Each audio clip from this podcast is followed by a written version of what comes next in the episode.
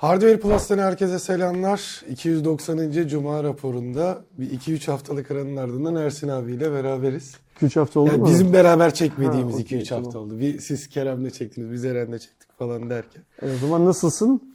Şu an sesimden bellidir nasıl olduğum iki gündür. Geniz şeyim dolu. Sen geç, geçen hafta da hastayım diyordun. Evet ya Cuma geçen hafta zaten böyle kadarıyla. hasta oluyorum gibiydi. Hafta sonundan sonra yani halsizlik falan değil ama nefes alamıyorum. Kend- Genizler, sinüsler tıkalı. Kendine iyi bakmıyorsun bence o yüzden.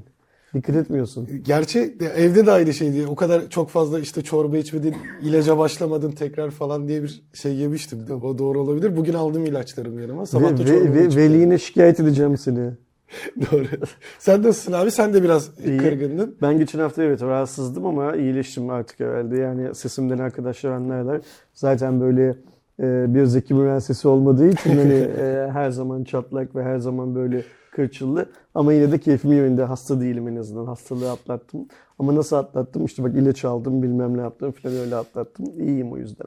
E, 290. Cuma raporuna başlıyoruz. Yine senin seçtiğin haberlerle ilerleyeceğiz.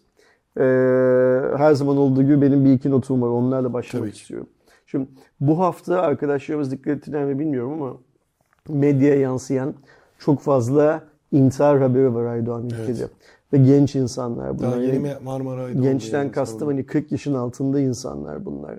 Haklısın Marmaray'da İstanbul'da bir vatandaş Metroda oldu galiba. kendini Marmaray'ın önüne attı. Metroda oldu çok yakın zamanda. Güneydoğu'dan e, sözleşmeli askerlerden intihar haberleri geliyor.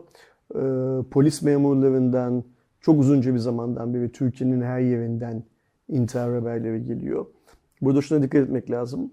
E, Emniyet teşkilatının içinde mesleği gerçekten polis olmayan, herhangi bir üniversiteden mezun olduktan sonra mezun olduğu departmanda e, şeyde iş kolunda iş bulamadığı için mecburen polislik mesleğini seçen arkadaşlarımız var ve ben sürekli o arkadaşlarımız adına ne kadar üzgün olduğumu dile getiriyorum. Kısmen mesela şeyde de eee, hani hepsi için değil de tabii ki birçoğu da mesela uzman eee, asker olma Orada da aynen öyle. Te- yani tezkere bırakmak olarak adlandırılan uzman çavuşlukla başlayan e, orada da bir buna benzer bir durum var.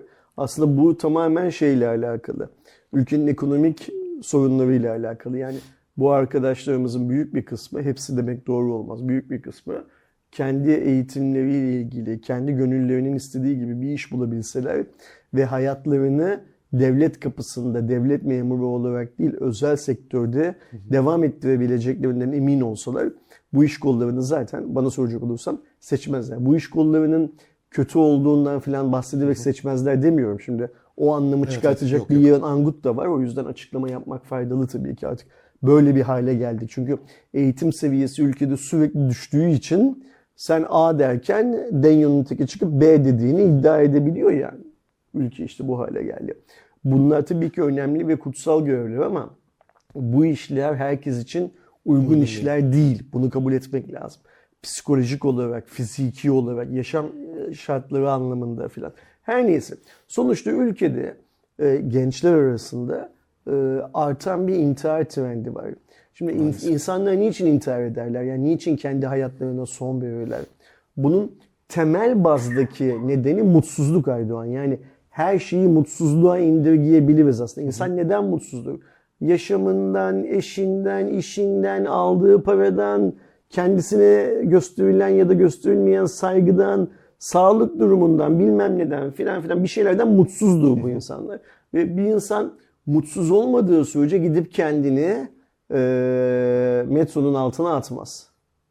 Bir insan mutsuz tabii ki. olmadığı sürece beylik tabancasını kafasına dayayıp tetiği çekmez. Ee, tabii bunların içinde bazı mobbing iddiaları bilmem neler filan da var. Şimdi O iyice zorlaştırıyor zaten süreci. eğitimsizliğin alt, arttığı süreçte e, tabii ki her türlü taciz de yani işin içine mobbing diyeceğimiz iş yerindeki tacizler ve normal hayattaki tacizlerin falan oranı da artıyor zaten. Çünkü bu eğitimsizlik seviyesiyle doğru orantılı bir şey bir yandan da. Ama sonuçta halkın bir kısmındaki bir kısım arkadaşlarımız kendilerini çok mutsuz ve çok umutsuz hissettikleri için hayatlarına son vermeye son verme kararı alıyorlar. E zaten hani Bu ülkenin gidişatı için çok tehlikeli bir sinyal. Yani hani hep konuşuyoruz burada hayat pahalılığı, adalet e, olan inancın azalması, eğitim sorunları, işte büyük şehire gelen genç arkadaşların üniversite için kalacak yer bulamamaları bilmem ne filan filan. Bunların sürü toplanıyor, toplanıyor, toplanıyor. O hani çığ gibi e, dağdan aşağıya doğru geldikçe büyüyor ve en nihayetinde bazı dostlarımızın intihar etmesine neden oluyor.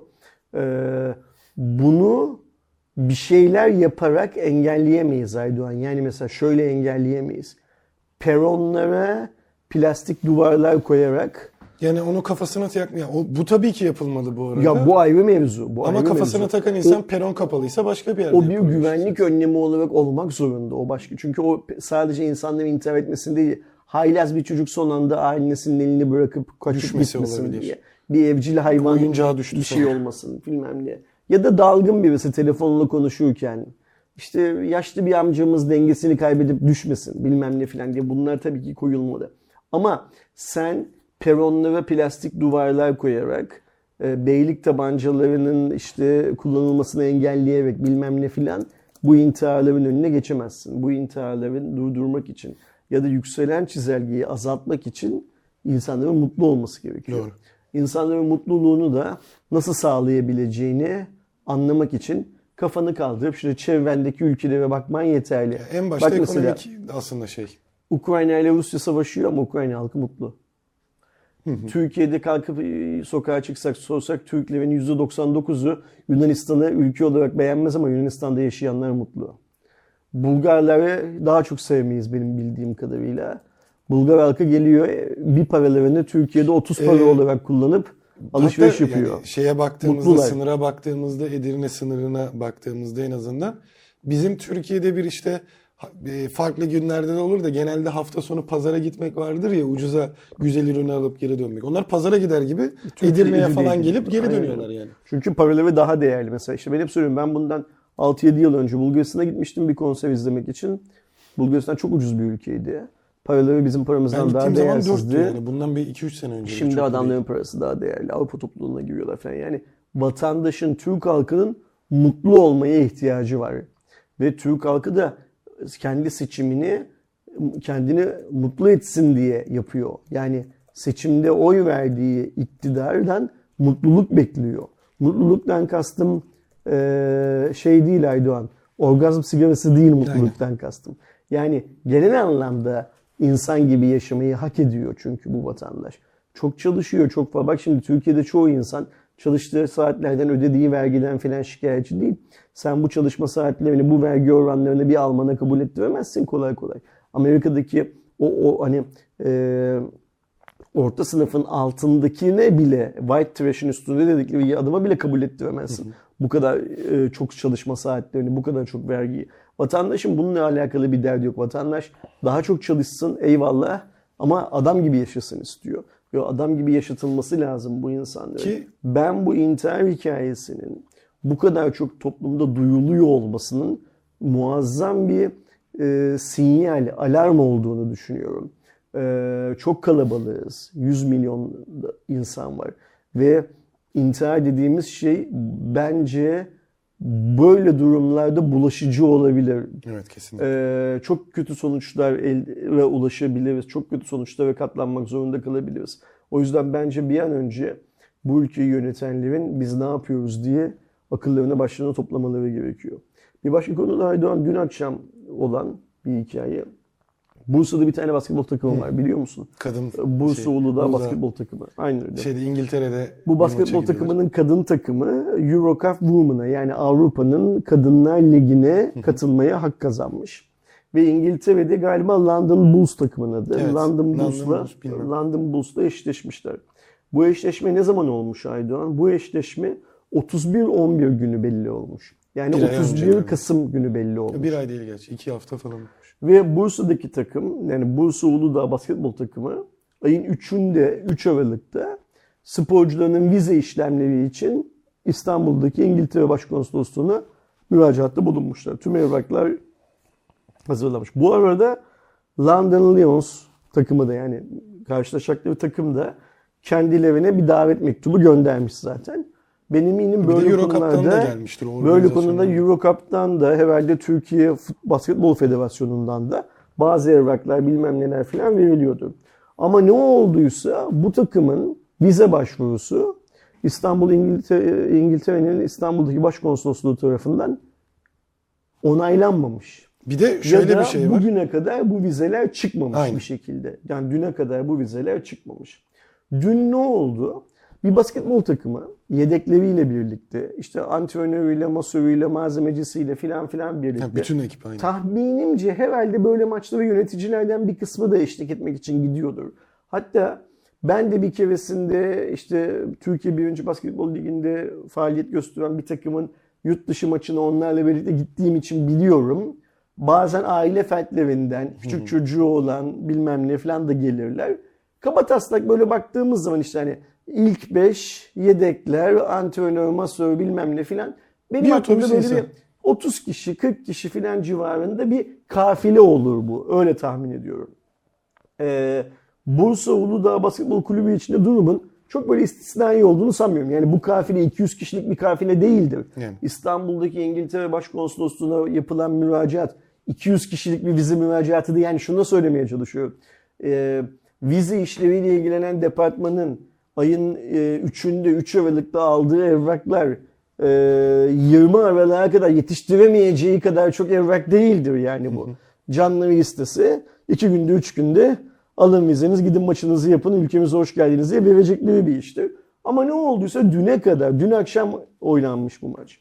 Düne kadar, dün sabaha kadar, çünkü dün sabaha kadar çıksa bile uçağa binip gitme ihtimalleri Aynen. bir şekilde var. Ha uçakta yer bulamazsın, uçak yoktur vızı ayrılmıyoruz ama dün sabaha kadar çıkmamış. Ve bu süreçte Aydoğan, eee Basketbol Federasyonu, Türkiye Basketbol Federasyonu, İçişleri Bakanlığı, Dışişleri Bakanlığı, Spordan Sorumlu Bakanlık, Cumhurbaşkanlığı hiçbirisi bu işe müdahil olmamış anladığım kadarıyla. Düşünebiliyor musun? Yani, Haberimiz yoktu derler. ee, bizim ee, ya şöyle düşünsün arkadaşlarımız. Şimdi mesela Fenerbahçe Galatasaray bu ayın sonunda gidecekler Suudi Arabistan'a maç yapacaklar ya. Suudi Arabistan hükümetinin Fenerbahçeli ve Galatasaray kafilesine vize vermemesi gibi bir şey bu. Aynen. Ya da işte şimdi Galatasaray, Fenerbahçe falan kupalarda oynuyor ya. Gidecekleri ülkeye o ülkenin vize vermemesi gibi bir şey bu. Ve ne olmuş Aydoğan? Bu takımdaki yani Bursa Spor basketbol takımındaki Bursa Uludağ basketbol takımındaki e, yabancı oyuncular ya da şöyle söyleyeyim.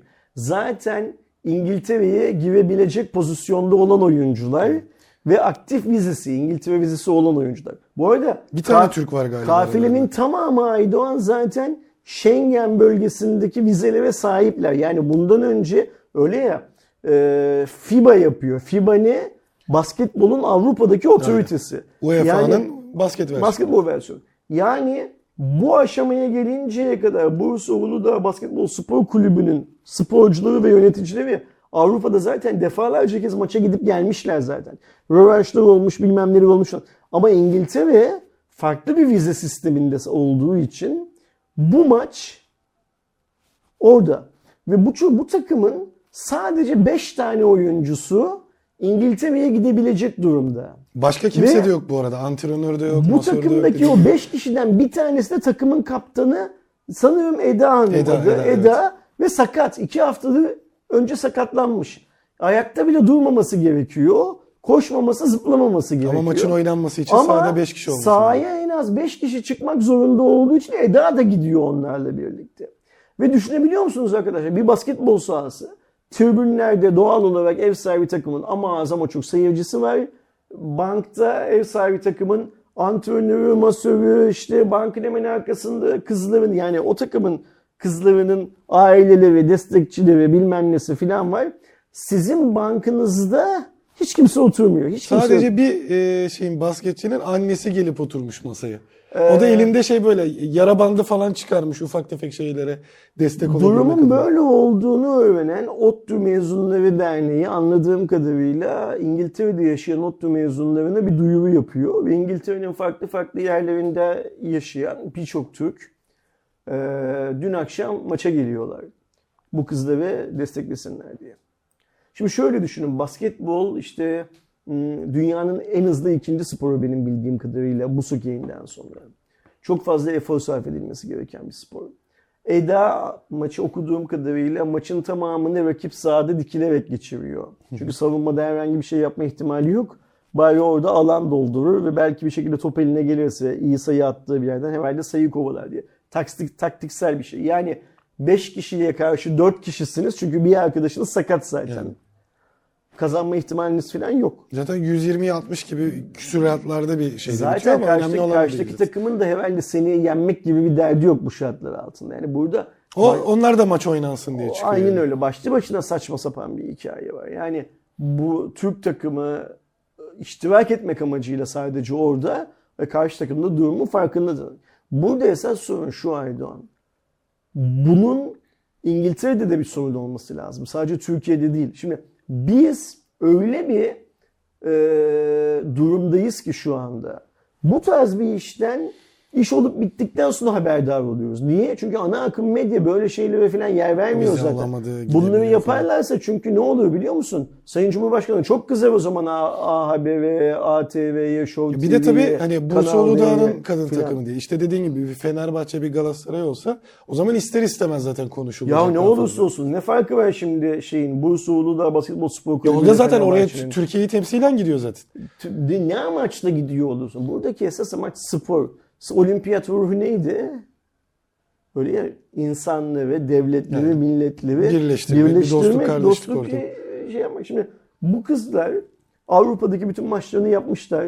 İçlerinden herhangi birisi herhangi bir Avrupa ülkesine sığınmamış. Kafiledeki herhangi birisi benim anladığım kadarıyla gittiği herhangi bir ülkede bir kaçakçılık, yüz kızartıcı suç bilmem niye falan şey olmuş. Yok farklı ülke pasaportları Ve- alır arkadaşlar. Ee, İngiltere'nin İstanbul'daki başkonsolosluğunun vize departmanına defalarca başvurmasına rağmen kulübün yaptığı açıklamadan anlıyorum. Defalarca sürecin hızlandırılmasını talep etmelerine rağmen hiçbir olumlu cevap alamamışlar. Şimdi bak bu ilk önce Basketbol Federasyonu'nun ayıbı. Basketbol Federasyonu o zaman niye var bu ülkede? Basketboldan sorumlu, ya Türkiye'deki tüm spor aktivitelerinden sorumlu bakan ne iş yapıyor? Bizim Dışişleri Bakanımız, bakanlığımız bu konunun neresindeydi? Öyle ya Sayın Cumhurbaşkanı her şeyin içinde.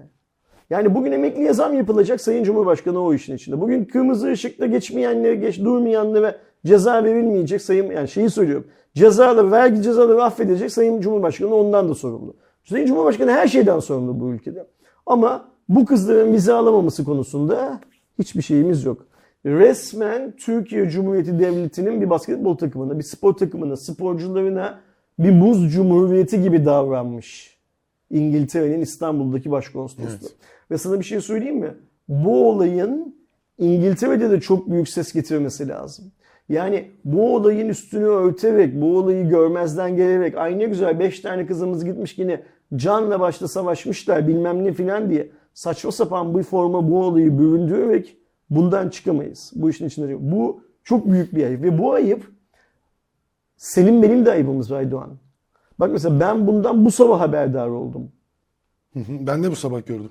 Bizim bunun olduğunu Bir tane ta bir ayın 3'ünde vize başvurusu yapıldığı günde duymamız lazım. Niçin duyamıyoruz? Çünkü vatandaşın tüm haber kanalları, haber ulaşım yöntemleri bir kısım propaganda malzemesi olarak kullanılıyor ülkede.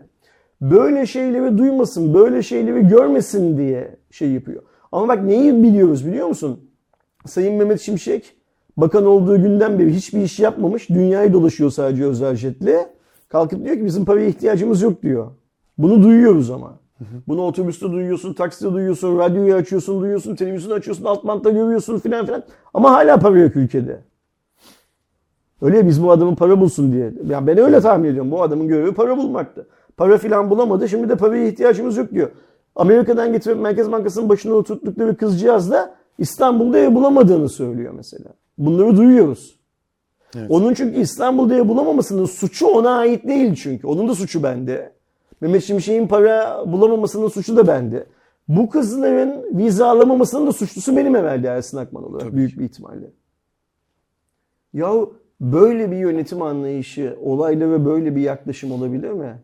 Yani e, ben Hidayet'i basketbolcu olarak severim. Zamanında evet yani Amerika'da da Ya zamanı şeyler. aman ayrılıyoruz. İyi bir basketbolcu adam. Yani o, o, o, o izlediğimiz zaman Hido, Hido basketbol oynarken izlediğimiz zaman ben hiçbir maçta Hido'nun böyle çok büyük agresiflikler yaptığını, hiç kimseyi e, zor durumda bıraktığını falan hatırlamadığım gibi sahada da kendi üzerine düşeni canla başla yapan bir çocuk olarak biliyorum. Şimdi böyle bir basketbolcu olması Hido'nun Basketbol Federasyonu Başkanı olamayacağı anlamına gelmiyor. Olsun tabii ki. Ama şöyle bir şey var. Böyle bir kepazeliğin karşısında da sussun. Mesela susmasın. Ben bu sabah bunu öyle öğrenmez. Basketbol Federasyonu'nun sosyal medya hesaplarına baktım. Şu konuyla ilgili bir tane paylaşım yok. Yakında gelir. Birazcık daha sosyal medyada köpürürse artık yani benim Hayır, gözümde de sosyal medya açıklamaları Kö- köpürürse ne diyecekler? Elimizden geleni yaptık. Abi elinden geleni yaptın. Olmuyorsa istifa edeceksin o zaman. Yani sen Türkiye Basketbol Federasyonu Başkanı olarak elinden geleni yaptığına inanıyorsan ama yine de bir şeyi olduramadıysan istifa edeceksin. Elinden geleni yapmadıysan zaten o koltukta yerin Haberin yok. yoksa zaten o çok çok Elinden ayrı. geleni yapmadıysan zaten o koltukta yerin yok. Ya da şöyle bir şey var şimdi mesela. Ha, elinden geleni yaptın Aydoğan. Bu kızlar yine vize almadı. Sen niye gitmedin bu kızlarla birlikte? Yani Yani Hidayet Türkoğlu, Basketbol Federasyonu Başkanı olan Hidayet Türkoğlu gidip orada o bench'te oturamaz mıydı? Gayet. Yani en azından destek için bir şey için. Aynen öyle. Bak şeyi sormuyorum Aydoğan. Onun vizesi Türkiye vardır herhalde. futbol, Türkiye Basketbol Federasyonu'nun Hido'yu gönderecek parası var mıydı yok muydu? Hido kendi parasıyla da gider buraya. Yani. Hido ben bu maça gideceğim diye tweet atsın. Biz de veririz bunun parasını Hido'ya. Ne işi vardı mesela dün Hidayet'in Türkiye'de dün akşam? Neydi mesela olay? Yani evlilik yıl dönümü müydü? Karısını da alıp gitseydi o zaman. Doğum günü müydü? Doğum İşte günü olan çocuğu da alıp götürseydi o zaman. bir tane gazeteci yani İngiltere'de yaşayan gazeteci de gidip işte hani gerçekten spor tarihine geçecek olay şey yaptım diyor. Bursaoğlu'dan oyuncularından biri hani bench'te kimsenin olmayacağını onlara herhangi bir ufak sakatlıklarda destek olamayacağını bilince dedim ya işte bir tane de kadın var diye. Zagreb'den zorla apar topar annesine uçak alıp getirtiyor. Ya zaten Aydan şimdi basketbol oynayan arkadaşlarımız diyor mesela molayı kim aldı? Öyle ya. Orada şimdi maç oynandı ve mola ihtiyacında. Molayı kim aldı? Molayı bench alıyor çünkü Aynen. basketbol Şey alır, maçlarında. koç alır yani. Yani e, bir şey tanındı, kaptana mı verildi bu hak? Mesela bilmiyoruz. Yani hani diyorum ya e, kulüpten hiçbir yönetici gidemedi de federasyondan da mı Allah aşkına bir kişi gidemedi? Spordan sorumlu bakanlıktan da mı bir kişi gidemedi? Yahu siz kendinizi federasyon başkanı, bakanlık çalışanı hatta hatta bakan olarak şu sporculardan çok mu yukarıda görüyorsunuz? Yani bu kızlar oraya gitmek için birisi ba- bacağı sakat gitmek için tüm zorlukları gö- göze alıyor gidiyor. Sen Hidayet Türkoğlu olarak e, Basketbol Federasyonu Başkanı olarak sen spordan sorumlu bakan olarak oraya gitmeye tenezzül etmiyorsun öyle mi? Geldiğimiz yer böyle bir yani yaşadığımız ülke böyle bir ülke mi? Ya da şunu sormak lazım Aydoğan. Bu videoyu izleyen herkes kendi kendine şunu sorsun. Yaşamayı hayal ettiğiniz ülke böyle bir ülke mi? Bu ülkede yaşıyor olmaktan mutlu musunuz? Size bunların yaşatılıyor olmasından mutlu musunuz? Bak ben bilmiyorum açıkça söylemek gerekirse ama Bursa Uludağ Basketbol Spor Kulübü'nün çok ezeli bir rakibi vardır tamam mı? Bir şey spor. O spor kulübü bile şu olanları sevinemez. Bu olanları normal olarak karşılayamaz. Yok. Kesinlikle. Hiçbir Türk vatandaşı hatta dünyanın hiçbir yerindeki hiçbir insan şu hikayenin normal olduğunu şey yapamaz. Savunamaz. Bak sana bir şey söyleyeyim mi? Ee, vatansever bir ülke, vatanseverler tarafından yönetilen bir ülkede şu olsa bugün o ülkedeki bu vizeyi vermeyen ülkenin başkonsolosu istenmeyen insan olarak ilan ediliyor biliyor musun? Ne diyor işte persona non grata yani diplomatik dilde biz bu adamın bu ülkede olmasını istemiyoruz diye. Bugün İngiltere Başkonsolosu Türkiye'deki her kimse hangi beyse Dışişleri Bakanı Cumhurbaşkanı'ndan aldığı yetkiyle çıkar ve der ki Biz bu adamın bu ülkede bulunmasını istemiyoruz. Bu adamı istenmeyen adam ilan ediyoruz der. Herhangi başka bir ülkede olsa bu.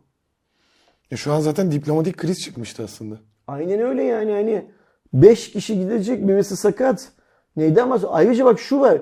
FIBA'nın web sitesinde, FIBA'nın şeyinde de e, sosyal medyasında da bu konuyla ilgili hiçbir açıklama yok. Yani sen basketbolu Avrupa'da organize eden, basketbolun Avrupa'daki patronusun kurum olarak. Bu konuyla ilgili bir kınama, bu konuyla ilgili bir üzüntü mesajı yayınlamayacaksın da ne yapacaksın? Yani sen FIBA olarak İngiltere İç Dışişleri Bakanlığı ile İstanbul Konsolosluğu'yla niçin kontak kurmazsın? Biz Türkiye'deki federasyon olarak niye FIBA'yı zorlamayız bu konularda? Bak şimdi bunların hepsi çıkar. Diyecek ki federasyon biz şu tarihte bir mail attık, yazı yazdık falan. Abicim senin görevin sadece o gönder tuşuna basıp göndermek değil. Gerekiyorsa buradan bak arada 20 gün var. Bir heyet göndereceksin FIBA merke, şey, e, merkezine.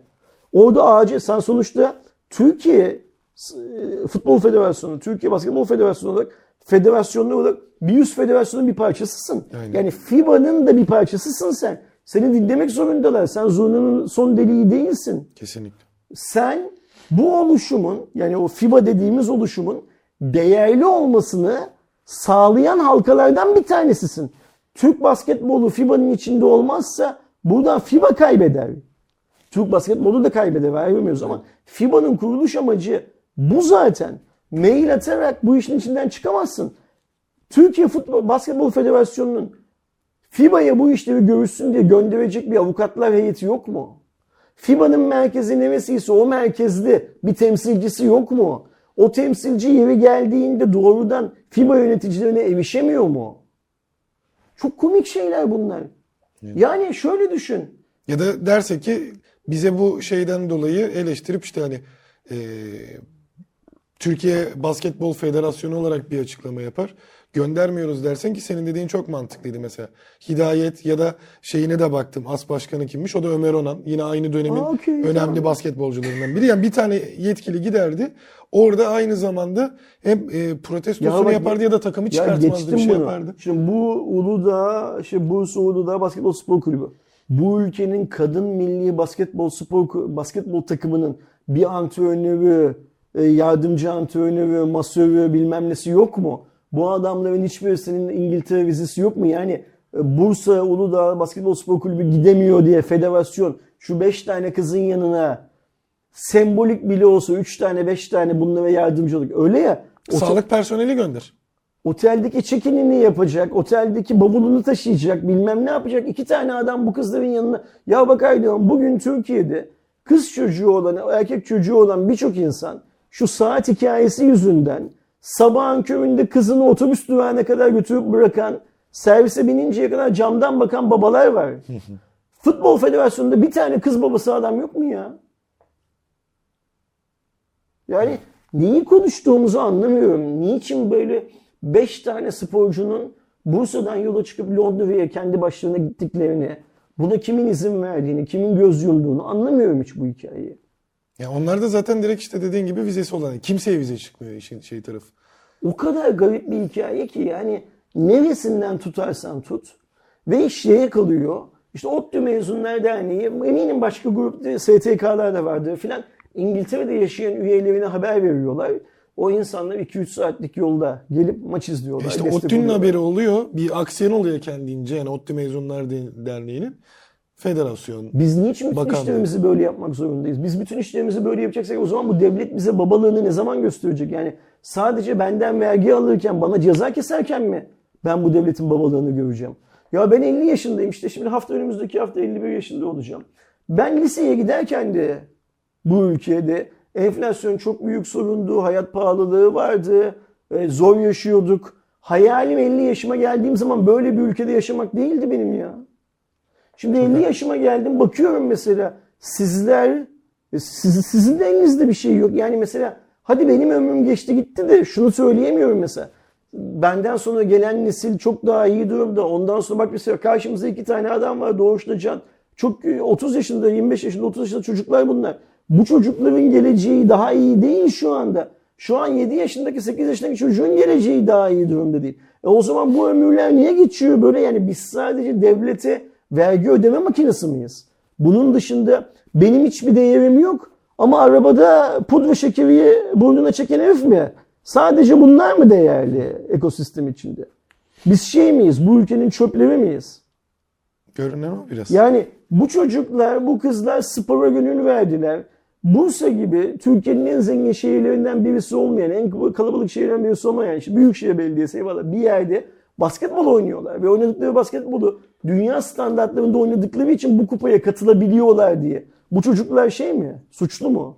Bu, tıkı, bu kulübü ayakta tutmaya çalışan yöneticiler suçlu mu? Yani illa Başakşehir mi olması gerekiyor bu kulübün? Şey diyecektim tam şimdi. Yanlış mı hatırlıyorum? Ee, eski Sanayi ve Teknoloji Bakanı şu an Bursa Milletvekili Hı hı. değil mi? E sürekli Bursa'ya E tabii çalışacaktı. yani, Bursa'nın TOG için şey- yaptığı şeyin demagojinin e, To- TOG için yaptığı demagojiye ayırdığı zamanın onda birini şunu ayıramadı mı Varank? Yani hani o yüzden neresinden baksak saçma sapan bir hikaye bu ya. Ki yani Yani hadi ayağı sakat kaptanı gönderiyorsun. Onun yanında bile şu an onun basketbol hayatı biterse oradaki zorlamadan ne olacak Aynen mesela? öyle yani sa- saçma sapan işler ve tek şunu söylemek istiyorum Aydoğan gerçekten. Benim 18 yaşındayken, 20 yaşındayken, 25 yaşındayken yaşamayı hayal ettiğim ülke böyle bir ülke değildi. İşin İnsanların intihar ettiği, asgari ücretin toplumun tamamı ta- tarafından kabul edilmiş bir baz maaş olacağı böyle bir ülkede yaşamayı hayal etmiyordum ben. Ve ben açıkça söylemek gerekirse bugüne kadar vergi kaçırmadım. Devletin beni yapmamı, zor- yapmama zorunlu kıldığı ödevlerimin tamamını yaptım. Ee, cezam olduğu zaman cezamı çektim. Yani vatandaş olarak devletim için yapmam yapmam gereken her şeyi minimum seviyede en azından yapmışımdır. Öyle düşünüyorum kendi hayatıma baktığınızda. Ve hak ettiğimiz şey sabah kalkıyorsun adamın teki gencecik bir çocuk kendini Marmaray'ın önüne atmış. Sabah kalkıyorsun işte basketbol takımı vize ya vize lan bu yani hani bu ülkenin derdi vize mi olsun? Bu vatandaşın derdi vize mi olsun şey hikayesi de var. ya? İşte geçtiğimiz haftaydı galiba. Somali bilmem nesinin oğlu geliyor burada bizim motosikletle Ayrı çarpıyor. mevzu da. Ondan sonra bir başka ülkenin, bir başka eski Dışişleri Bakanı'nın bilmem ne filan da bir şeyler çıktı. Yani e, şunu bile söyleyebilirsin Aydoğan bak şimdi. Sen bu takıma vize vermiyorsan ben de İngilizlerin ülkeye girişine engel olacağım bile diyebilirsin. Sorunu çözer çözmez ayrı mevzu. Benim derdim buradan yola çıkalım İngiltere ile savaş ilan edelim ıvır zıvır filan değil. Ama şöyle bir hikaye var. Şimdi bak mesela bir spor bakanlığı var değil mi hala bu ülkede? Tabii ki. Okey spor bakanının bunu kalkıp 10 gün 15 gün önceden açıklaması lazım. Böyle böyle bir sorun var. Görüştük ve Dışişleri Bakanlığı'ndan bu sorun çözülmezse bu konsolosun istenmeyen insan olarak ilan edilmesini talep ettik demesi lazım mesela. E, Herhangi bir yetkili merciden açıklama var. Aynen öyle. Bizim İngiltere'deki konsolosluğumuz yani oradaki diplomatlarımız bu konudan haberi oldu mu? Onlar İngiliz Dışişleri Bakanlığı'ndaki muhataplarıyla ya böyle böyle bir sorun var şunu çözün dediler mi? Yani anlayaç anlayamadım. Çok düşündüm sabahtan beri. Ee, şu var ya oturup ağlanacak bir hikaye tek Doğru. başına. Kesinlikle. Yani otur, oku, ağla. Bak hiç bu giden gidemeyen basketbolcularla falan konuşmaya gerek yok. Yani ne kadar üzgünler işte senin söylediğin gibi o kız çocuğunun ayağındaki e, spor hayatını bitirecek kadar yaralandı mı bilmem ne yaptı mı. Ayağa kalkmayacaksın demişler kıza. Kız gitti orada iki saat boyunca ayakta dikildi şeydi. Ee, onları dinlemeye bile gerek yok. Şu hikayeyi kendi başına ağlanacak durumumuzu gösteriyor. Her Kesinlikle. anlamda ağlanacak durumumuzu gösteriyor. Ve şu vize sorunu. Abi niye bu ülkenin böyle bir vize sorunu var ya? Niçin mesela sen de alamıyorsun vize Schengen'den? Yani hani bu ülkenin halkı, bu ülkenin vatandaşı İngiltere'den, Almanya'dan, İtalya'dan vize almak için niçin takla atmak zorunda e, ba- başkalarının önünde? Kesinlikle. Ya bir de Yani hani sizin bu ülkeyi yöneten insanlar olarak bize biçtiğiniz değer bu mudur? Bundan bir buçuk yıl önce, iki yıl önce e, serbest dolaşım hakkını elde ettik diyordu o zamanki Dışişleri Bakanı Çavuşoğlu. 31 Mart e, 2023'teydi galiba yanlış hatırlamıyorum. Yani bu yılın 31 Mart'ında serbest dolaşım hakkına sahip olacaktık biz hesapta. Niye olmadık? Niçin bu işlerin peşinden koşmuyor devlet? Yani yüzlerce, binlerce euro, e, dolar, pound her ne kadar önersiyse bu konsolosluklara para ödüyor insanlar. Ve gidip vizelerini alamıyorlar. Ve sana pişkin pişkin ve tekrar başvur. Her başvurduğunda bir para. İşte Abi, ama şimdi Yunan adalarıyla anlaşmışlar. işte. Ülkede para zaten 60 euro evet kişi başı. Normal vize ücretini orada da Aynen alıyor. öyle 60 euro. Yani o da böyle Türk halkına bir müjde falan gibi vermeye çalışıyorlar da Yunan adalarının elini kolunu sallayarak gidemeyeceksin. 60 euro vereceksin o vize için. Normal vize kadar ücret Aynen. vereceksin yani. Yunanistan oradan da para Ve sadece kazanıyor. adaya girebilir. Şey değil değil mi? gidemiyorsun. Oradaki aldım ben Atina'ya geçeyim diyemiyorsun. Gidemiyorsun. Sadece belli adalar bu arada. Evet onların hepsi de değil Aynen. yani. Aynen. Yani o yüzden bu da bir milli servet. Bu da bir milli servet kaybı. İnsan iş yerinde çalışacak çalışacak parasını biriktirecek vize almak için gidecek atıyorum. Alman konsolosluğuna, İspanyol konsolosluğuna işte parasını verecek. Sana vize vermedik bir daha başvur. Çünkü bir daha para ver. Bir daha para ver. Ben yaşadım işte. Yazık yani e, eğer bizi yönetsinler diye oy verdiğimiz, başa geçirdiğimiz bu ülkenin tabiri caizse kasa defterine emanet ettiğimiz, anahtarını verdiğimiz adamlar bu işlerle ilgilenmiyorlarsa o zaman hangi işle ilgileniyor bu adamlar? Yani biz varsa yoksa beşli çeteye mi çalışmak zorundayız? Bu, Ya, bunun galiba. dışında her şey yalan mı? Her şey yok mu? Çok çok garip hikayeler Erdoğan. Yani hani aklım hayalim almıyor ve şu günü de gördüm ya yani oha olamaz artık lan dediğimiz her şeyin tek oluyor. tek olduğunu çatır görüyoruz çatır oluyor. ülkede. Maalesef ki oluyor evet. Ve ben sana bir şey söyleyeyim mi? Eminim dangalağın teki çoktan kalkıp o kıyafetle gidip maç yapacaklarını hiç yapmasınlar zaten filan diye de Allah'tan görmedim. bir tweet atmıştı, bir şey yazmıştı. Yazan kesin çıkmıştır, mutlaka. kesin Çünkü çıkmıştır. dangalak sayımız enflasyondan daha hızlı artıyor ülkede. Öyle de bir şey Doğru. var. şey orada ayağına ya da herhangi bir tanesinin ayağına bir şey olsa o ondan şey kazandığı için ona yazık olur. Aynen öyle. Aynen Ee, öyle. Mesleği o, basketbolcu, spor. Ya Tabii bacağı kesiliyor, Bir de spor yani- hayatı biter. Bakın arkadaşlar yaşınızı yetiyor bilmiyorum. Rıdvan çok iyi bir futbolcuydu. Bir e, sağlık sorunu yaşadı.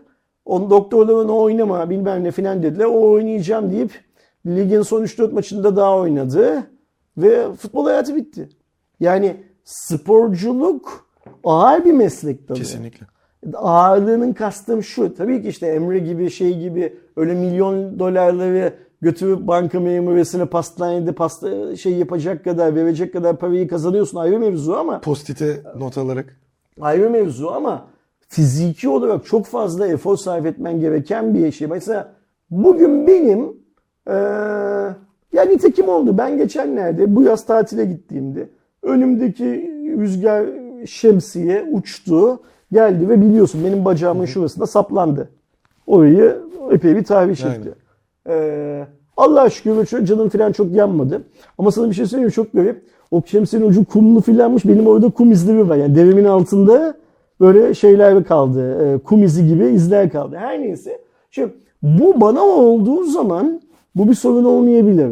Ama bir tenisçinin eline geldiği zaman bu onun için çok büyük sorun olabilir. Adamın ertesi gün çok önemli bir maçı olabilir. Ve mesela ben bile tatilde 2-3 gün sekerek yürümek zorunda kaldım. Yani o, yüzden bu çocukların Doğuş'un söylediği gibi yani o çocuk orada evet 40 dakika ayakta dikildi. Ama şöyle düşünmek lazım. Evinden kalktı Londra'ya kadar gitti ve bir de geriye dönecek. Bir şimdi. de şey de var. Uçakta bilmem kaçsa biz voleybolcu kızların o koca koca upuzun boyunlarıyla boylarıyla maşallah ekonomi sınıfında seyahat ettiğini gördük bu ülkede.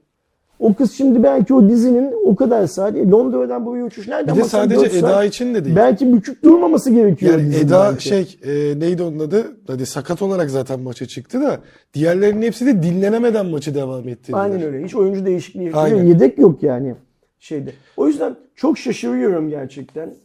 Ve çok üzülüyorum da bir yandan. Neye üzülüyorum biliyor musun? Şimdi benimki artık geçmiş bitmiş bir ömür. Yani hani ge- geçmiş bitmişten kastım şu. Allah uzun ömür versin. Göreceğimiz her şeyi görünceye kadar yaşayalım. Ayrı mevzu da insanın 50 yaşından sonra artık böyle çok fazla büyük hayali mayali bilmem nesi falan kalmıyor. Ne istiyorsun biliyor musun? Şöyle şeyleri duymamak, şöyle şeyleri görmemek, şöyle şeylerin yaşandığının farkında olmamak. İşte Filistin'de yaşanan gibi hikayelerin bu dünya üzerinde yaşanmadığını, Yemen'deki olan gibi şeylerin bu dünya üzerinde olmadığını bilmek filan istiyorsun. hepsi oluyor bunların. Hepsi oluyor bunların ve hepsi bazı çok bencil politikacılar yüzünden oluyor Kesinlikle. dünyanın her yerinde bu hikayeler. Çok doğru. Bazı yerlerde din arkasına saklanarak oluyor. Bazı yerlerde milliyetçilik arkasına saklanarak oluyor. İşte burada da niçin olmuş bilmiyoruz ama olmuş saçma sapan bir hikaye olmuş. Vallahi utanıyorum. Vallahi eğer bizi şu hale düşürenlerin üzerinde bir gram hakkım varsa vallahi da billahi de helal etmeyeceğim. Aynı şekilde. Yani bu böyle bir kepazelik ya düşündükçe sinirlerim bozuluyor tekrar. Yani şunu konuşmaktan vazgeçelim. Senin cuma raporu konularını çünkü ben bunu sabaha kadar konuşuyorum. Yani canlı yayın açayım. Yemeğimi suyumu versin. Ölünceye kadar şuna lanet okurum ben ya. Bu kadar saçma sapan bir hikaye olur Ki hadi- Ve bu sabah bu haberi aldım. Girdim gazetelerin e, bulabildiğim kadar gazetenin e, web sitelerine değil basılı nüshalarına baktım. Gördüğüm kadarıyla 3-4 gazeteyi bulabildim sadece. Gördüğüm kadarıyla hiçbirisinde şununla ilgili bir satır yazı yok ya. Yazıklar olsun vallahi. yazamazlar ki. Ayıp, yazıklar olsun. Yazıklar olsun. Neyse. Konuya geçmeden son bir tane araya güzel bir haber sıkıştırayım. Ee, 4 gün önce Çin'de Voleybol Dünya Kupası'nın final karşılaşması vardı ve yine e, güzel bir şekilde finalin adı tam bir Türk finaliydi. Çünkü bir tarafta Eczacıbaşı, diğer tarafta da Vakıfbank vardı. Ee, Eczacıbaşı Vakıfbank'ı yendi, e, kupayı kaldıran taraf oldu ve dünyanın en iyi e, voleybol e, kadın kulübü olmayı başardı. Zaten bizim orada illaki bir takımımız finale çıkardı ama ilk defa galiba Türk finali olmuş oldu ve bizim bu seneki voleybol e, kadın voleybol kupa koleksiyonumuza sene biterken kulüpler bazındaki en büyüğünü de e, Eczacıbaşı kanadı almış oldu. Hem Vakıfbank'ı hem Eczacıbaşı'nı tebrik ediyoruz. Artık önümüzde e, 2024 Paris Olimpiyatları var. Bakalım orada da kadınlarımız, e, kadın voleybol takımımız ne yapacak diye de İnşallah iyi söyleyelim. şeyler yapacaklar tabii ki. Yani görünen o zaten artık böyle dünyada da voleybol konusunda bizim kadınlarımız çok fazla konuşuldu. E, maçta fena geçmedi. Hepsini izleyemedim ama gayet çekişmeli güzel bir maçtı diyerek e, Apple'ın e, ambargo ambargo denemez de e, Amerika'da kendi ana vatanında Apple Watch Series 9 ve Apple Watch Ultra 2 yani Apple'ın en yeni 2 saati için e, yaşadığı problemden bahsedelim. Amerika'daki e, tıbbi cihaz üreticisi olan Masimo kendine ait bazı ticari sırları ve işte patent ihlali noktasında Apple'ın bu iki saatte bazı şeyleri kullandığını vesaire e, bahsetti. Hatta 2023 yılın 2013 yılında Massimo baş tıbbi sorumlusu e, Michael O'Reilly e, ve ardından Kersakor demek daha doğru onun yan teknolojisi firmasının baş sorumlusu, baş teknoloji sorumlusu Marcelino Lemego'yu da kendi bünyesine katmıştı ve işte bu saat bilimlerinin sağlık ürünleri biriminin e, başına getirmişti. Orada işte farklı yani Massimo'ya ait olan bazı patentlerin kullanılmasından kaynaklı bir e, dava ve işte patent süreci vardı aslında özetle. Ama e, ortaya çıkan şeyden itibaren 21 Aralık'tan itibaren Apple Store mağazaları yani aslında dünden itibaren demek daha doğru Apple Watch Series 9 ve Apple Watch Ultra satamıyor. Sadece Amerika'da mı? E, Evet şu an için Amerika'da 25 Aralık'tan itibaren de hatta 24 Aralık'mış anladığım kadarıyla e, diğer store'lar da yani işte Best Buy'a da gitsen Hı hı. bilmem nereye de gitsen teknik olarak Amazon da buna dahil olur. E, Apple Watch Series 9 ve Apple Watch Ultra 2 en azından bu sorun çözülene kadar artık nasıl bir karar çıkacaksa satışları durduruldu. Sorunun çözümü de basit. Massimo bir para istiyor. Bu lisans şey, kendisine ait olduğunu 3.1 şey milyar yaptığı, dolarlık bir iddia tazminat, ettiği patent- lisansların, patentlerin kullanılabilmesi için Apple'dan bir tazminat istiyor. E, o tazminatı vermediği sürece de Apple yasa dışı kullanımı e, şey olacağını, söz konusu olacağını söylüyor. Nitekim şeydi, e, Uluslararası Ticaret Komisyonu da Amerika Birleşik Devletleri Uluslararası Ticaret Komisyonu da Massimo'yu haklı bulmuş Aynen. zaten. Kararı almış. Okey. Yapmasın Apple böyle bir şey. Yani yaptıysa da cezası neyse ödesin. Yani iş çok şaibeli gerçekten. 2013 yılında bu şirketin en önemli iki tane e, daha doğrusu e, ge- teknolojik gelişimler konusunda bilgi sahibi olduğu olan en önemli iki pozisyondaki adamını transfer ediyorsun. Ve adamlar o günden beri senin yaptığın her şeyin kendilerinin ürettiği bazı lisanslarla yapıldığından kuşkulanıyorlar. Ve en sonunda geldiğimiz noktada da e, şey yapacaklar.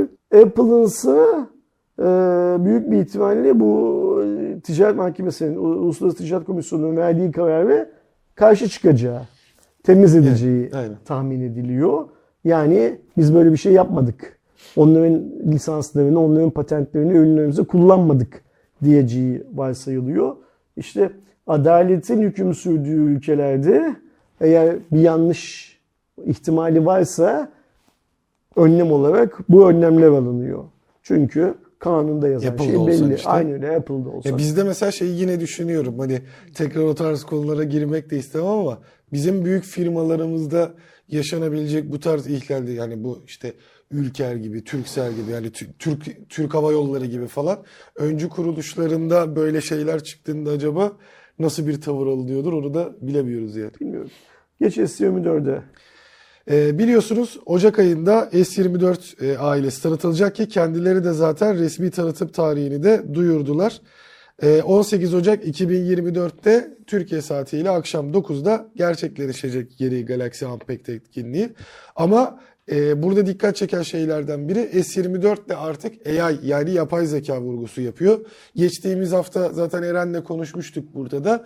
E, Intel de yeni nesil işlemcilerini duyurduğunda AI vurgusu yaptı. Keza AMD de ilerleyen dönemlerde bunu yapacak. E, şeyi de Mediatek'i de diğer firmalar da bunu yapıyor. Niye? Çünkü artık nöral işlev ünitesiyle beraber böyle bir sistem olacak. Ama tabii ki buradaki önemli şeylerden biri Samsung'un zaten e, ürünlerinin sızmasına vesaire alışkındık. Bu sefer yani neredeyse bütün tasarımlar, bütün renkler, bütün özellikler sızmış oldu. Burada da sızdırıldı. Samsung tabii. tarafından Ya ben bunu artık şeyim zaten hani Samsung'un bunu bilinçli bir şekilde bir ay önceden konuşulmaya başlansın. e, merak seviyesi artsın diye yaptığını düşünüyorum. Baktığımızda e, daha önce de beklenildiği gibi ya S24 ve Plus alüminyumla beraber gelirken S24 Ultra tıpkı iPhone 15 Pro serisinde olduğu gibi bir titanyum kasa kullanımına geçiyor.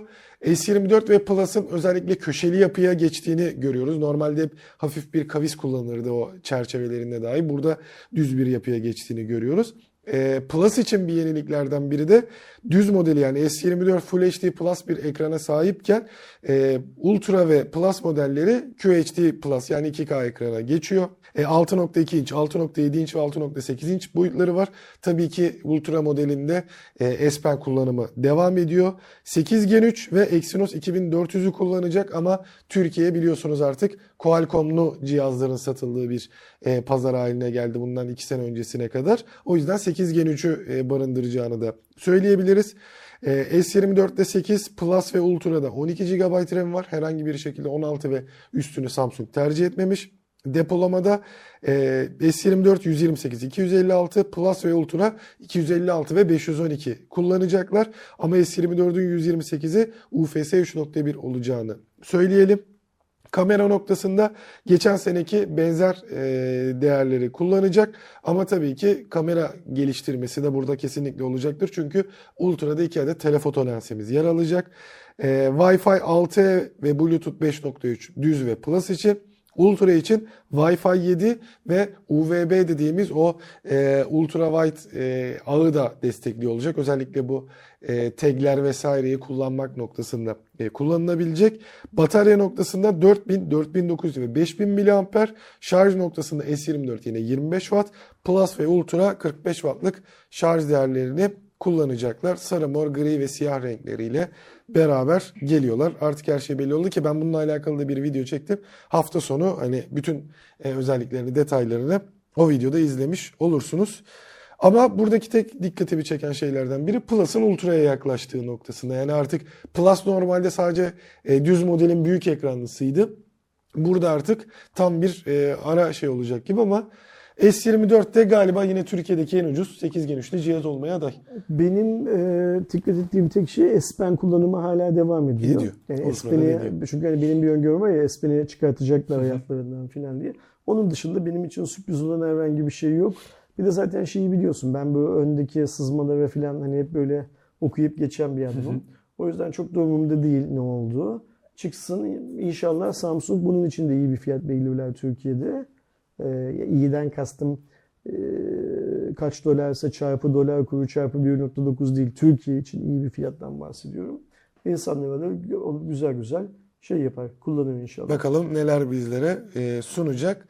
Bir diğer yandan OnePlus 12'nin de biliyorsunuz Çin'de tanıtılmıştı. E, onun bir canlı yayını da yaptık ve e, o never settle asla yetinme noktasındaki e, aşamaları bu sefer güzel kaydetmişler gibi diye de sizlere söylemiştim. Şimdi de globalde de 23 Ocak'ta geleceği duyuruldu. Yani aslında MVC'den önce OnePlus 12 ve 12R e, global pazara gelmiş e, olacaklar. E, baktığımızda hatırlatmak gerekirse 8 Gen 3 işlemci, 2K OLED ekran, 4500 nit parlaklığa çıkabilen bir cihazdan bahsediyoruz. Bir diğer yandan e, LPDDR5X RAM, UFS 4.0 depolama gibi güzel şeyleri var. Kablosuz şarj geliyor. E, IP sertifikası birazcık yükseltilmiş. Her ne kadar 67-68 olmasa da en azından e, kendi paylaştıkları videoda da işte yağmur altında rahat rahat kullanılabildiği vesaire de orada hatta sprey yağmur altında da kullanılabildiği olmuş. Benim gerçekten böyle e, heyecanlandıran modellerden biri oldu. Bununla ilgili de bir detaylı video var Evet, o zaten kanalda. Çin lansmanından sonra hemen Arkadaşlar yapmıştık. merak eden eğer hala OnePlus 12 ile ilgili e, teknik anlamda bilgisi olmayan arkadaşlar varsa izleyebilirler. Benim merak ettiğim tek şey, şey şimdi 24 Ocak mı? 23. 23 Ocak'ta bu dünyaya globale çıktıktan ne kadar süre sonra Türkiye'ye çıkacak? Çünkü öyle ya biz cep portu Yani burada Burak Bey o konuda hemen, hemen gelecek gelişti. diyordu. Benim için 10 gün 15 gün eyvallah. Yani hani böyle Xiaomi gibi o bir hafta sonrası Aynen vesaire öyle. okey. İşte onu bekleyelim. Bekleyelim, görelim. Cihazda hangileri, hangi hangi Mesela Aralık ayı içerisinde de Open'ı planladıklarını söylemişti. Hangilerinden kastım şey, hangi özelliklere sahip olan cihazlar Türkiye'ye gelecek. Ve fiyat olarak da e, işte bu e, şu an hali satılanlardan biraz daha iyi bir fiyatlandırma yapılabilecek mi? Özellikle 12 R Önümüzde dediğimiz çok bir zaman kalmadı. Bir ay, bir buçuk ay içinde bunları konuşmaya başlarız zaten. O zamana kadar durup incele, izleyelim nelerin olduğunu. aynen yani ne kadar hızlı geleceği gerçekten önemli ve 12R de gerçekten bu noktada dikkat çekecek. Çünkü aslında bizim Poco serisi gibi, Xiaomi'nin Poco'ları ya da T serisi gibi bir önceki nesil işlemciyle çok güzel şeyler sunabiliyor. E, özellikle ben 12R'nin neler sunacağını ve fiyatını Türkiye'deki cep portun belirleyeceği fiyatı bekliyorum. E, Nothing'e geçtiğimizde daha öncesinde de konuşmuştuk ki e, yine Ersin abiyle konuştuğumuzda Nothing'in tek telefonda kalamayacağından da bahsetmiştik. E, Nothing Phone 2'den sonra bir 2A adıyla gelmesi çok büyük muhtemel olan biraz daha kırpılmış uygun, uygun fiyatlı bir e, cihaz gelecek. Bunu MVC'ye sakladıkları e, söyleniyor. Zaten cihazın tasarımı 1-2 arayüz görselleri ortaya çıkmıştı. En son Lansmanını MVC'de yapacakları Evet. söyleniyor.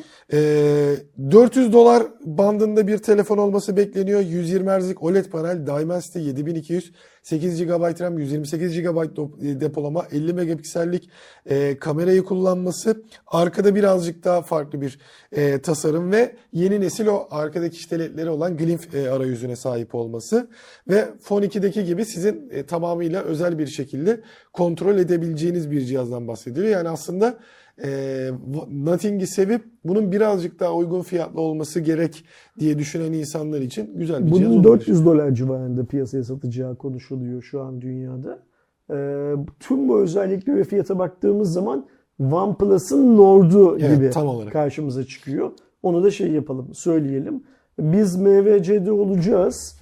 Eğer hani lansman orada yapılacak olursa, lansmana katılma imkanımız olursa lansmana da katılırız zaten Tabii ki.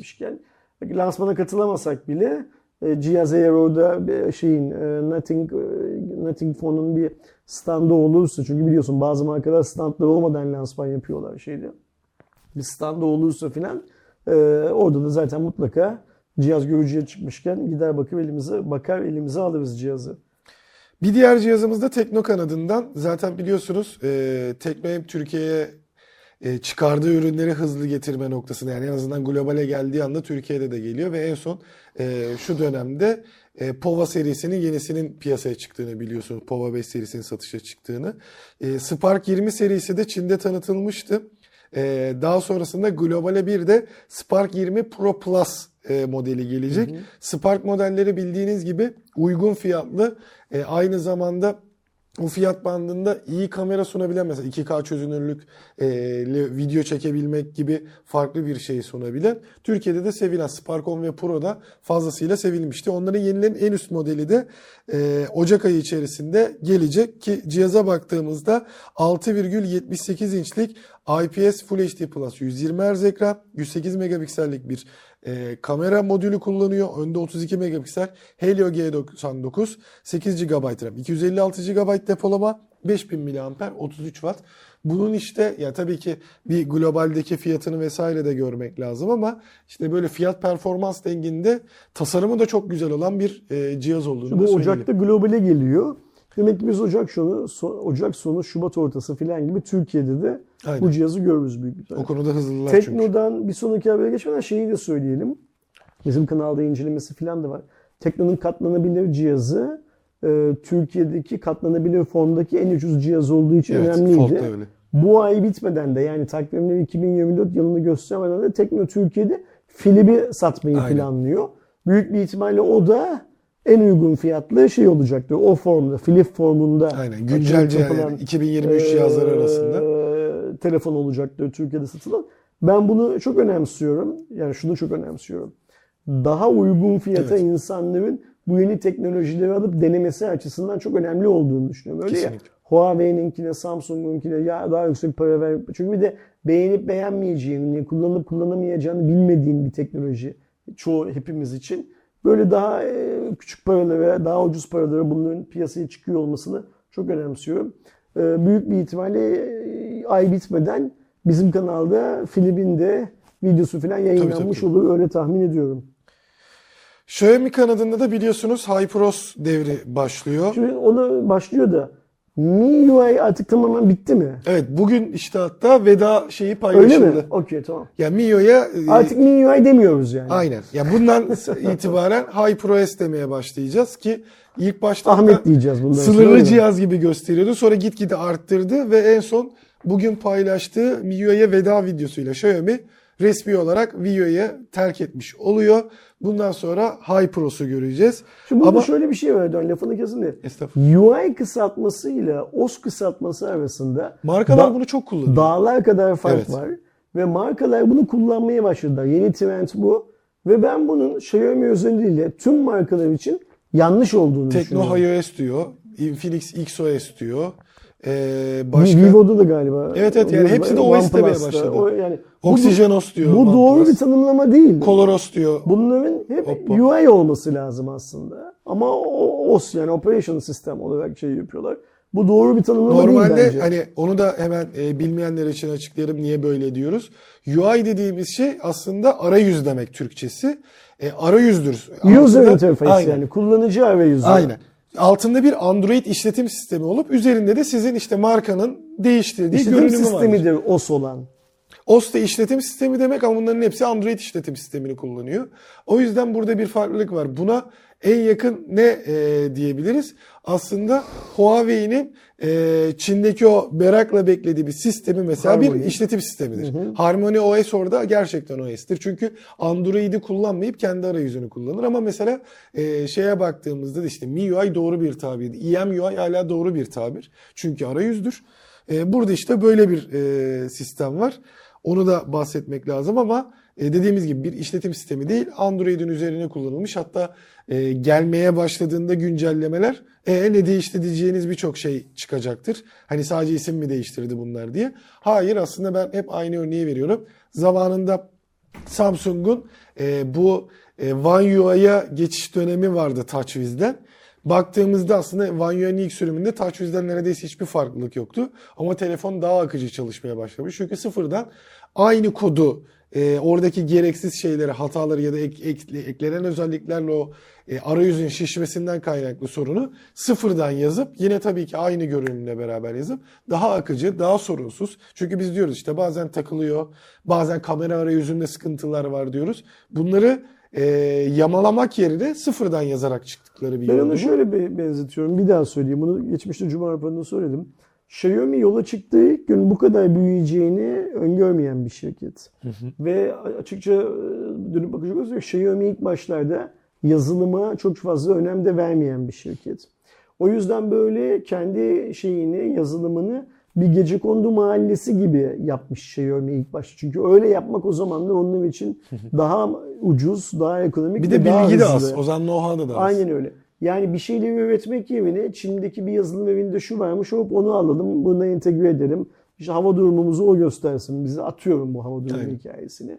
İşte dosya, file manager ve şu şirket Amerika'da çok ucuza lisanslıyor. Onlardan alalım. Bizim sistemle entegrasyonunu onlar sağlayacaklar. Bilmem ne filan filan diye böyle derme çatma bir sistem kurmuş. Sonra Xiaomi çok hızlı büyüyünce bu sistemi tabii ki çıkan sorunları etüt etmeye, üzerinde çalışmaya, onarmaya çalışıyor. Ve fakat bir yerden sonra artık ayan beyan ortaya çıkıyor ki bu hani böyle e, taşıma suyuyla da hemen dönmez deriz de tamir edilebilecek bir sistem değil. Çünkü temel artık şey. Aynen yani. öyle. Çok Kötü. çok kötü bir altyapı üstüne. Yamalı bohça deriz ya biz Aynen, Türkiye'de. aynen. Öyle bir sistem kurmuş. Şimdi Xiaomi bu OS dediği, Operational System dediği yeni sistem yani Hyper'la aslında kendi apartmanını, kendi residence'ını dikiyor. Yani bunun şeyini de, temelini de kendi kazdı. Orayı yıktı. Aynen yeni Tamamen tane. yıktı. Temeli de kendi kazdı. Her şeyi kendi yazılımcılarına olması gerektiği gibi yaptırdı. Biz bunu nerede gördük? Samsung'un da şu an kullandığı Vanyo'ya. TouchWiz'den Vanyo'ya geçişti. Buna benzer bir şey yaptığını gördük Samsung'un da. Xiaomi de doğru olanı yapıyor. Yanlış olan şey isminin sonuna OS OS koymaları, eklemesi. OS eklemeleri.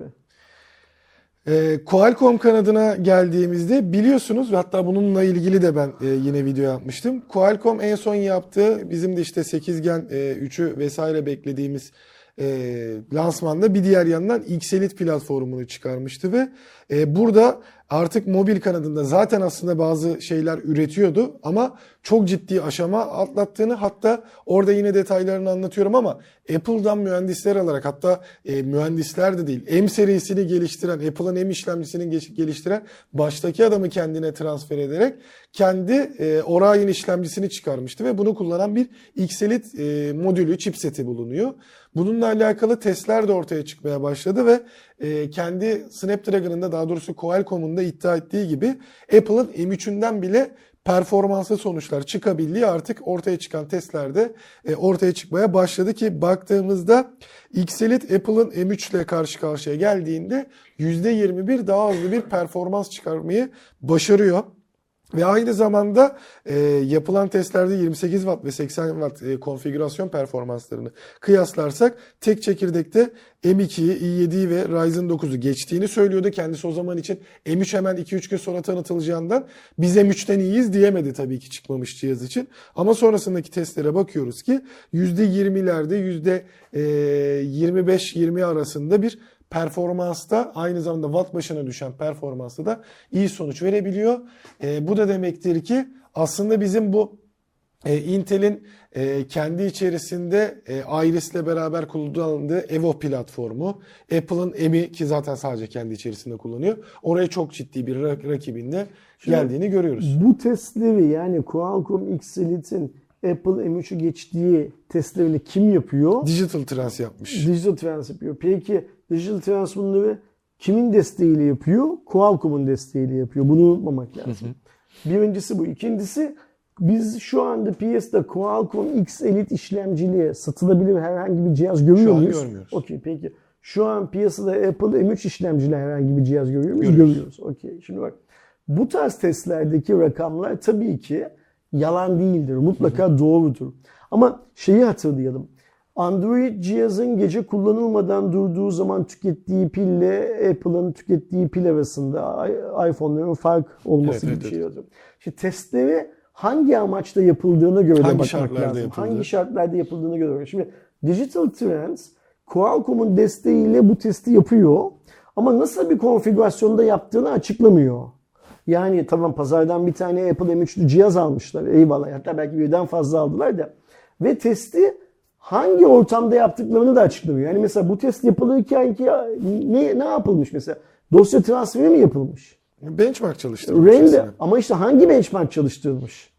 O da yok bilgiler arasında. Yani şimdi ben şunu söyleyeyim. Tek çekirdek çok çekirdek dediğine göre anladığım kadarıyla şey Geekbench'i kullanmışlar. da. Peki Geekbench, Geekbench henüz üretilmeyen Qualcomm X Elite için nasıl benchmark konfigürasyonu yazmış? Yani sonuçta o Yani şunu söylemeye konfig çalışıyorum. şey yapmadı önemli. Şunu söylemeye çalışıyorum. Qualcomm X Elite'in Apple M3'ten daha iyi olduğunu, yalan olduğunu söylemiyorum. Sadece şunu söylüyorum.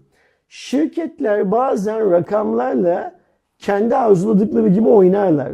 Mesela biz bunu Qualcomm'un geçmişte hızlı şarj teknolojisinde Samsung'un hızlı şarjından hep daha hızlı olduğunu anlattığı Evet. ama ürünler çıktığı zaman da aslında Samsung'unkinden çok da hızlı olmadığını Mesela ısınma problemi nasıl olacak o da önemli. başa baş olduğunu görüyorduk. Ne zaman Samsung kendi hızlı şarj teknolojisini geliştirmeyi bıraktı, Qualcomm da hızlı şarjla ilgili test yaptırmayı bıraktı mesela piyasaya. O yüzden Qualcomm bu gibi testlerde kendine yontmayı seven bir şey. de- Şeyi beklemek daha iyi. Ee, Qualcomm X Elite işlemcili denk bir cihazın. Denkten Umarım Türkiye'de kastım- de çıkar. birebir bir tane M3'lü aynı. Çünkü bak burada şey çok önemli Aydoğan. Sen Qualcomm X Elite'i hangi Android sürümünde çalıştırdın bu sonuçları alırken? Yani öyle ya biz şunu biliyoruz. Qualcomm'un aynı işlemcisi mesela 8 Gen 2 e, Samsung o, yazılımlarıyla çalıştığı zaman başka sonuç alıyor. E, Oppo yazılımlarıyla çalıştığı zaman başka sonuç alıyor. Bilmem ne filan filan. Ama Apple'da ise hep tek bir veri var elimizde. Çünkü o işlemci sadece o işletim sisteminde çalışıyor zaten. Başka bir yerde çalışmıyor.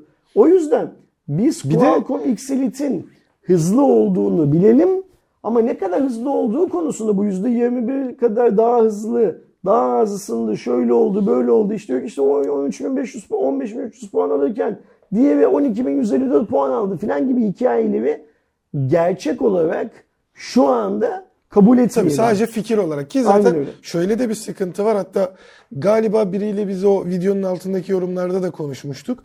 Şimdi e, Windows'un ARM e, sistemli laptoplarda sıkıntı yaşadığını biliyoruz. E, X Elite de öyle bir şey. Yani Windows 11 ne kadar stabil çalışacak? Bir diğer yandan e, her ne kadar orada e, direkt Satya mı çıkmıştı galiba bir videoyla paylaşmıştı işte hani tam destek falan filan hikayesi. Windows'la zaten e, Qualcomm'un daha doğrusu Microsoft'la Qualcomm'un arası gayet güzel ama Microsoft'la aynı zamanda Intel'in arası da mükemmel. Hatta Copilot sunumu tamamen Intel üzerinden giden bir şeydi. E şimdi sen e, Intel'e göre işte x64 sistemine göre olan bir şeyde vesaire e, sen şeye döndüğünde ARM'a döndüğünde işler değişebilir. Ama göreceğiz bakalım. Benim en çok istediğim şeylerden biri umarım ya Acer ya MSI e, ya Lenovo e, umarım e, Türkiye'de e, Snapdragon X Elite'i kullanan cihazlar satışa çıkar. Çıkarmasalar bile bir test örneğini yurt dışından getirseler de en azından Türkiye'deki editörler olarak da bir e, ARM işlemcinin ya da X Elite'in yaptıklarını görebilsek güzel olur ve sizlere de aktarmış oluruz. Diyeyim. E, oyun tarafında, oyun sektörü tarafında yani gerçekten aslında yine büyük ama bir diğer yandan nasıl olabilir dediğim saçma bir şey de var. Çünkü e, Cyber Daily'nin paylaştığı bilgiye göre fidye yazılımı ile beraber Insomniac Games'in yani özellikle bizim e, Spider-Man'le bildiğimiz ve gerçekten çok iyi oyunlar yapabilen e, si- si- ne derler ona geliştirici stüdyonun verileri hacklenip 1,67 terabaytlık verisi sızdırıldı. Hatta bu sızdırma o kadar büyük ki zaten daha yeni duyurulan Wolverine oyunu geliyor ve bunun oynanabilir e, pre-alfa sürümü de internete sızmış. İnsanlar ulaşabilir 1.67 duruma gelmiş. terabayt sadece sızdırılan, Evet. eklenen daha büyük bir Evet veri. evet.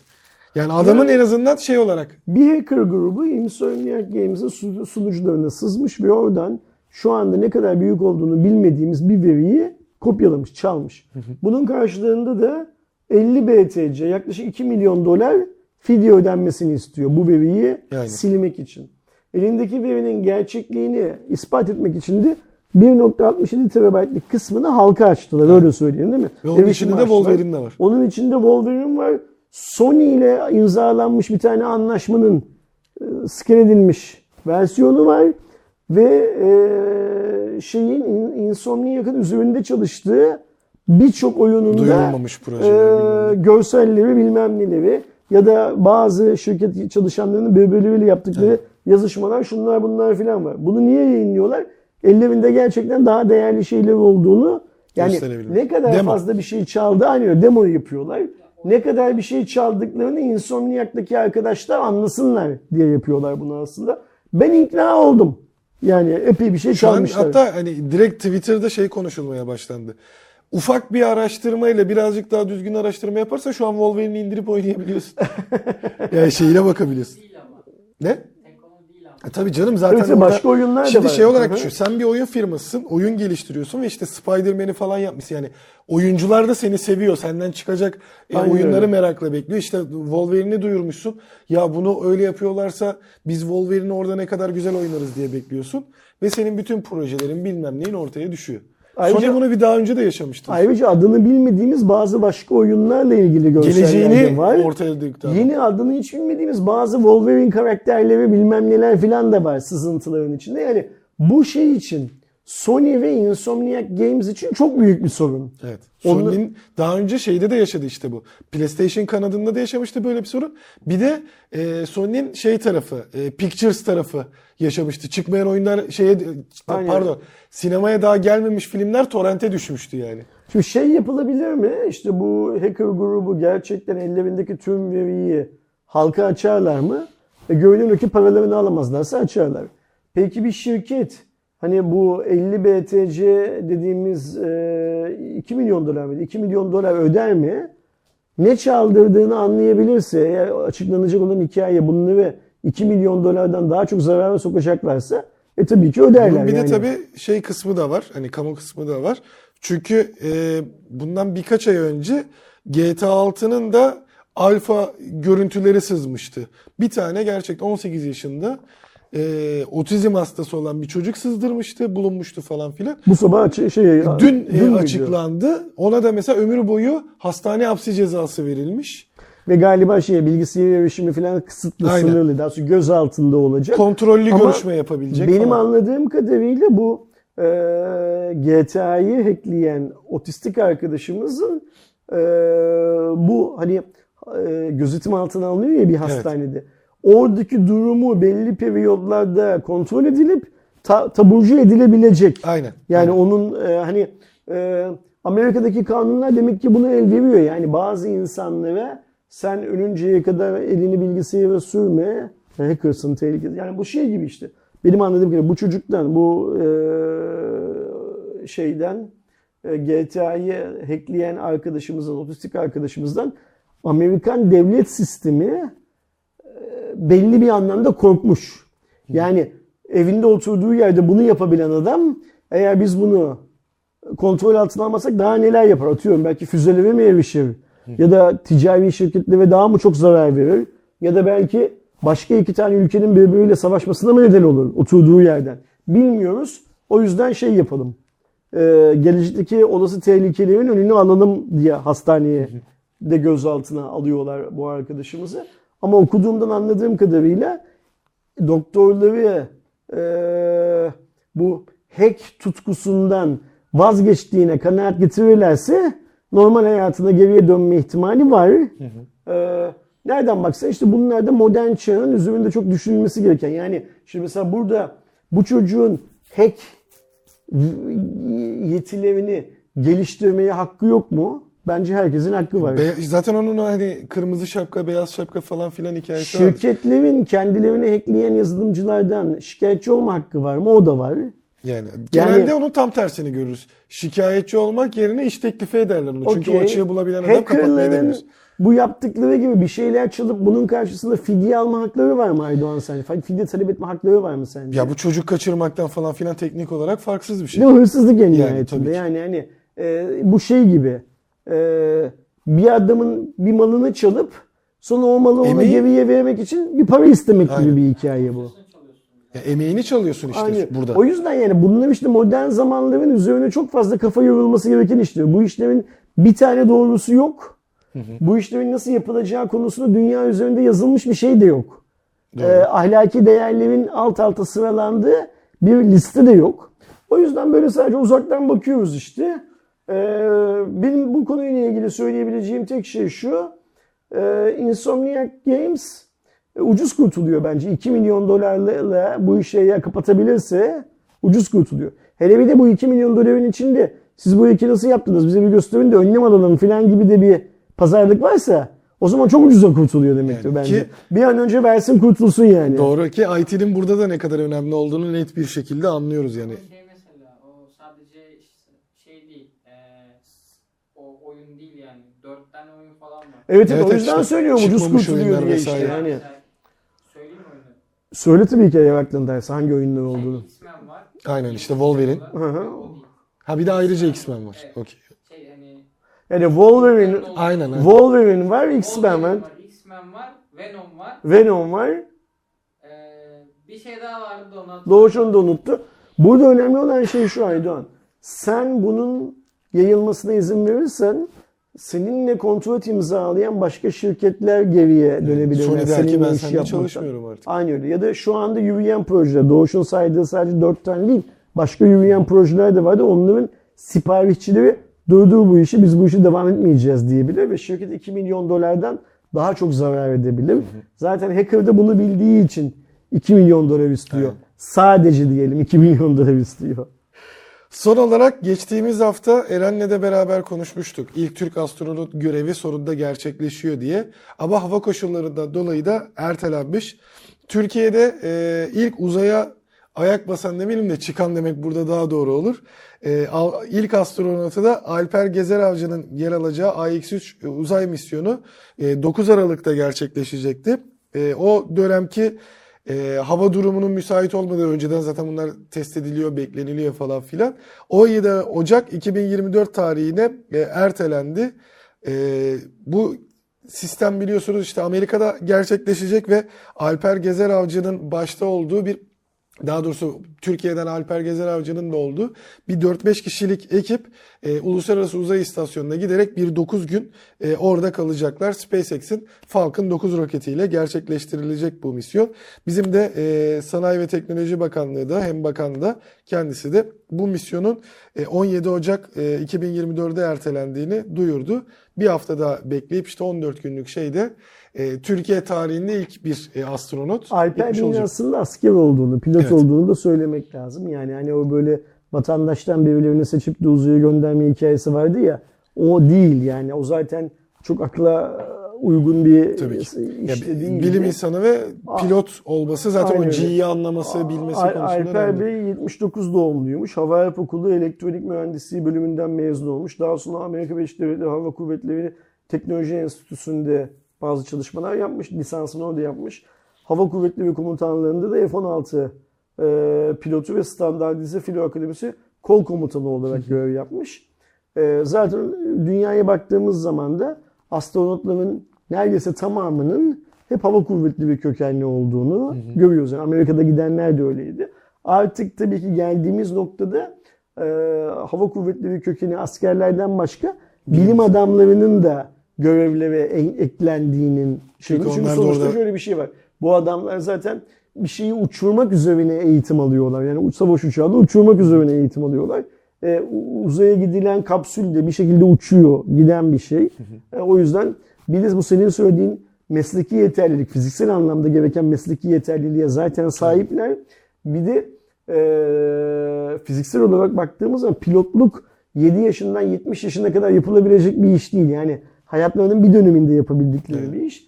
Demek ki Türkiye Cumhuriyeti Devleti'nin ilgili birimleri, yani nedir bu ilgili birimler? İşte bu bizim uzay araştırma merkezimiz, Hava Kuvvetleri Komutanlığı, Genelkurmay falan ince ince düşünmüş ve Alper Bey'i şey bulmuş, e, uygun bulmuş bu göreve. Gerçekleşememesinin de nedeni de olarak da Alper Bey'in falan bir dahli yok yani. Meteoroloji koşulları. Orada tabii ki o sonuçta e, uçuşun daha önce de biz e, şeyleri hatırlayanlar vardı. İşte SpaceX'in birçok şeyi böyle ya da NASA'nın da yaptığı, ESA'nın da yaptığı e, şeyler bunlar. ertelenir. Çünkü mümkün mertebe sorusuz, açık bir havada kontrol edilebilir. E, sürprizlerin mümkün mertebe az Bir de olacağı bu bir hava uçuşlar istenir. genellikle sadece bir iş için yapılmaz. Yani SpaceX aynı Orada tabii zamanda ki oraya taşıyacağı yükler var. birbirinden farklı işlev için de bu uçuşu yapacaktır. Ve Alper Bey'in uçuşu oradaki bir ek görev tarzındadır. Yani o adamlar için belki tek başına Alper Bey'i göndermek kolaydır. Ama bütün görev paketini birden yapmak önemlidir. O yüzden de bekletmiş olabilirler. 17 Ocak çok uzak değil. Şuradan bir ay sonra 17 Ocak'ta e, ölmez de sağ kalırsak şey yaparız. E, görürüz Takip ederiz olduğunu. zaten tabii ki. Evet, böylece e, 290. Cuma raporunun da sonuna gelmiş e, olduk. Umarız önümüzdeki hafta hani daha böyle e, güzel iç açıcı e, haberler, e, gelişmeler konuşuyor oluruz ve tabii ki teknolojideki gelişmeleri de yavaş yavaş konuşacağız. E, ama biliyorsunuz tabii önümüzdeki dönemde işte CES, BVC derken o dönemde iyice e, hızlanan bir şey oluyor. Bundan sonraki birkaç hafta biraz daha böyle şey geçebilir. E, biraz daha kısır geçebilir teknolojik gelişme noktasında. Bakalım göreceğiz. Ee, önümüzdeki hafta yeni bir Cuma raporunda yeni konularla görüşünceye dek kendinize çok iyi bakın. Hoşça kalın. Hoşçakalın.